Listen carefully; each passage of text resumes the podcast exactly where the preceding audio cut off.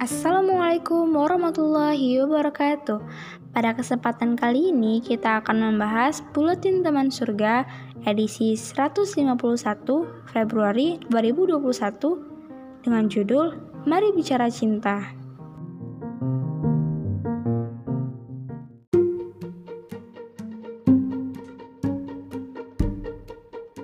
Mari bicara cinta. Hai there, boleh bantu jawab? Seberapa penting sih ngobrol soal cinta? Penting banget? Atau penting aja? Atau bahkan nggak ada penting-pentingnya? Wah, jadi gaduh ya gara-gara si cinta. Ternyata banyak kubunya. Ketika Allah Subhanahu wa Ta'ala menciptakan sesuatu, maka sudah pasti ada hal penting di sana, termasuk halnya dengan perkara cinta. Yeps, cinta adalah sebuah rasa yang diciptakan Allah untuk kita. Artinya, penting banget bagi kita untuk membicarakannya. Agar apa? Agar kita tidak terjebak dalam malpraktik cinta. So, jangan di skip ya, dengerin sampai selesai. Reminder tentang makna cinta. Kalau remaja lagi bicara soal cinta, kira-kira apa yang jadi topiknya? Soal rasa deg-degan, berdebar, bahagia, merana, menderita, terluka atau nestapa. Sepertinya semua rasa ada dalam cinta. Memang aneh, tapi begitulah realitanya. Tapi obrolan kali ini beda dong. Bukan membahas soal aneka rasa dalam cinta, tapi lebih istimewa dari sekedar rasa. Kali ini kita akan kembali mendudukkan makna cinta yang semestinya. Cinta yang sesuai fitrah, sehingga dengan hadirnya cinta bisa membawa berkah, bukan sebaliknya. Yaps, cinta adalah fitrah. Ia ada memang sengaja dicipta. Allah Subhanahu wa taala yang menciptakannya. Sebagaimana yang kita pahami bahwa Allah Subhanahu wa taala tidak pernah sia-sia dalam menciptakan segala sesuatu, termasuk juga soal cinta. Cinta merupakan salah satu potensi naluri yang ada pada setiap manusia. Bukan tanpa sebab adanya cinta, Allah Subhanahu wa taala hadirkan ia untuk menjaga kelestarian makhluk yang bernama manusia. Yaps, kita. Maka alaminya, manusia yang saling jatuh cinta kemudian tidak mampu menjaga rasanya akan menuju pada suatu aktivitas yang menyebabkan terjadinya kehamilan. Demikian fitrahnya. Gimana? Sudah tahu penyebab banyaknya remaja hamil di luar nikah? Yaps, karena telah terjebak dalam pusaran malpraktik cinta. Salah kaprah alias keliru dalam mendudukan rasa cinta yang ada. Lantas, bagaimana agar kita tidak salah memaknai cinta, agar tidak melakukan malpraktik cinta? Kenapa disebut malpraktik cinta? Ya, karena melakukan kesalahan dalam memperlakukan cinta.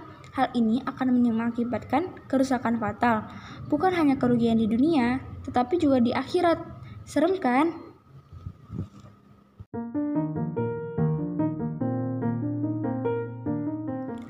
Nah, jadi gimana agar tidak menjadi pelaku malpraktik cinta? Tidak ada cara lain kecuali ikut syarat dan ketentuan yang telah Allah tetapkan. Apa sajakah syarat dan ketentuannya? Catat dan ingat baik-baik ya, dear. Pertama, ingat selalu bahwa cinta diciptakan untuk menjaga keturunan. Artinya, rasa cinta hanya boleh diekspresikan dalam ikatan yang sah, yakni pernikahan. Nah, kalau sudah kebelet mau mengekspresikan cinta, udah deh nikah aja. Inilah satu-satunya jalan agar cinta yang bisa menumbuhkan takwa, berbuah pahala, dan menjadi jalan untuk menuju surga. Masya Allah. Lantas bagaimana kalau belum siap untuk menikah? Oke, kita geser ke syarat dan ketentuan yang kedua ya. Jika belum siap menikah, maka jangan coba-coba bermain cinta. Simpel banget kan? Simpel sih, tapi cinta itu kan suka datang tiba-tiba. Gimana coba cara bisa menghindarkannya? Susah tahu. Susah bukan berarti nggak bisa loh ya. Terus, Siapa bilang jika cinta itu datang begitu saja? Tidak mungkin. Harus dibenarkan dan diluruskan mindsetnya bahwa pasti ada yang mengundang kehadiran cinta sehingga cinta itu datang berdatangan. Betul apa betul? Coba cek macam-macam rasa yang ada di hati kita. Muncul begitu saja atau ada sebabnya? Pasti ada sebabnya kan? Yaps, karena memang perasaan kita hanya dipengaruhi oleh faktor rangsangan dari luar, tidak terkecuali juga dengan rasa cinta. Harus ada suatu penampakan, maka rasa cinta itu akan menderah. Dalam bentuk apa kira-kira penampakan yang dimaksud? Ada macam-macam sih modusnya. Bisa stalking akun doi, atau bahkan chattingan setiap hari. Bisa juga keseringan ngobrol tanpa batas, hangout bareng, bahkan juga modus belajar bareng. Ada juga pakai modus kakak adean. Ini semua bisa jadi pintu gerbang masuknya bucin yang meresahkan. Waspadalah. Kalau nggak ketemuan gimana? Cuman komitmen doang, nggak ngapa-ngapain, cuman ngobrol lewat chat. Nggak pernah ketemu kok, boleh kan? Kalau nggak ngapa-ngapain, kenapa harus chattingan, sayang? Coba berhenti chattingan. Ngaruh nggak tuh ke perasaan? Pasti ngaruh kan? Ngaku aja deh. Intinya, setiap adanya interaksi antar lawan jenis, maka wajib hati-hati. Karena apa? Karena hal ini bisa menyebabkan rasa jatuh cinta.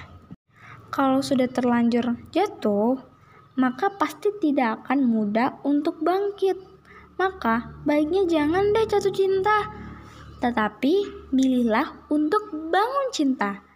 Memang bisa? Bisa dong.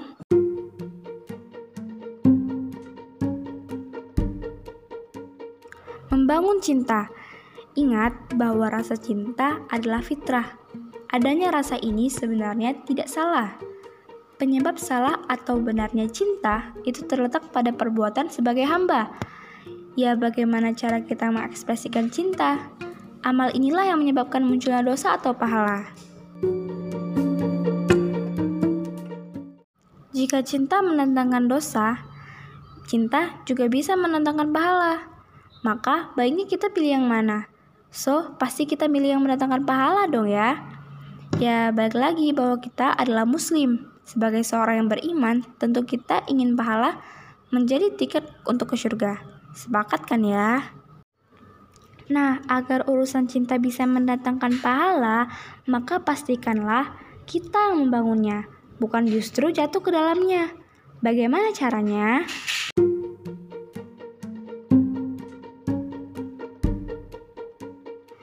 Pertama, ingatlah selalu bahwa ada Sang Pemilik Cinta yang berkuasa.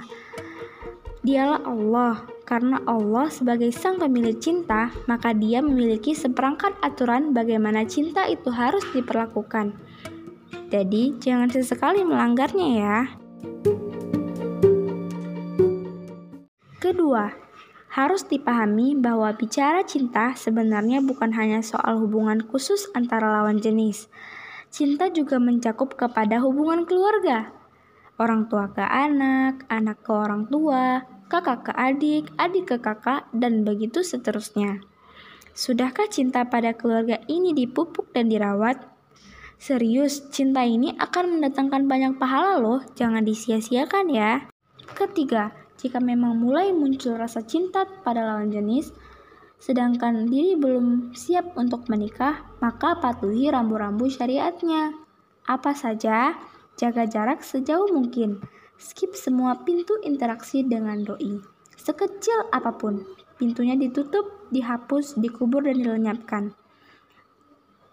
Jika sudah beres, maka alihkan segenap pikiran kepada hal yang positif dan menyibukkan dengan kebaikan. Contohnya, gabung dengan komunitas Islam, mengkaji Islam secara kafah, berlomba-lomba dalam kebaikan, belajar, beramal, dan berdakwah. Keren kan?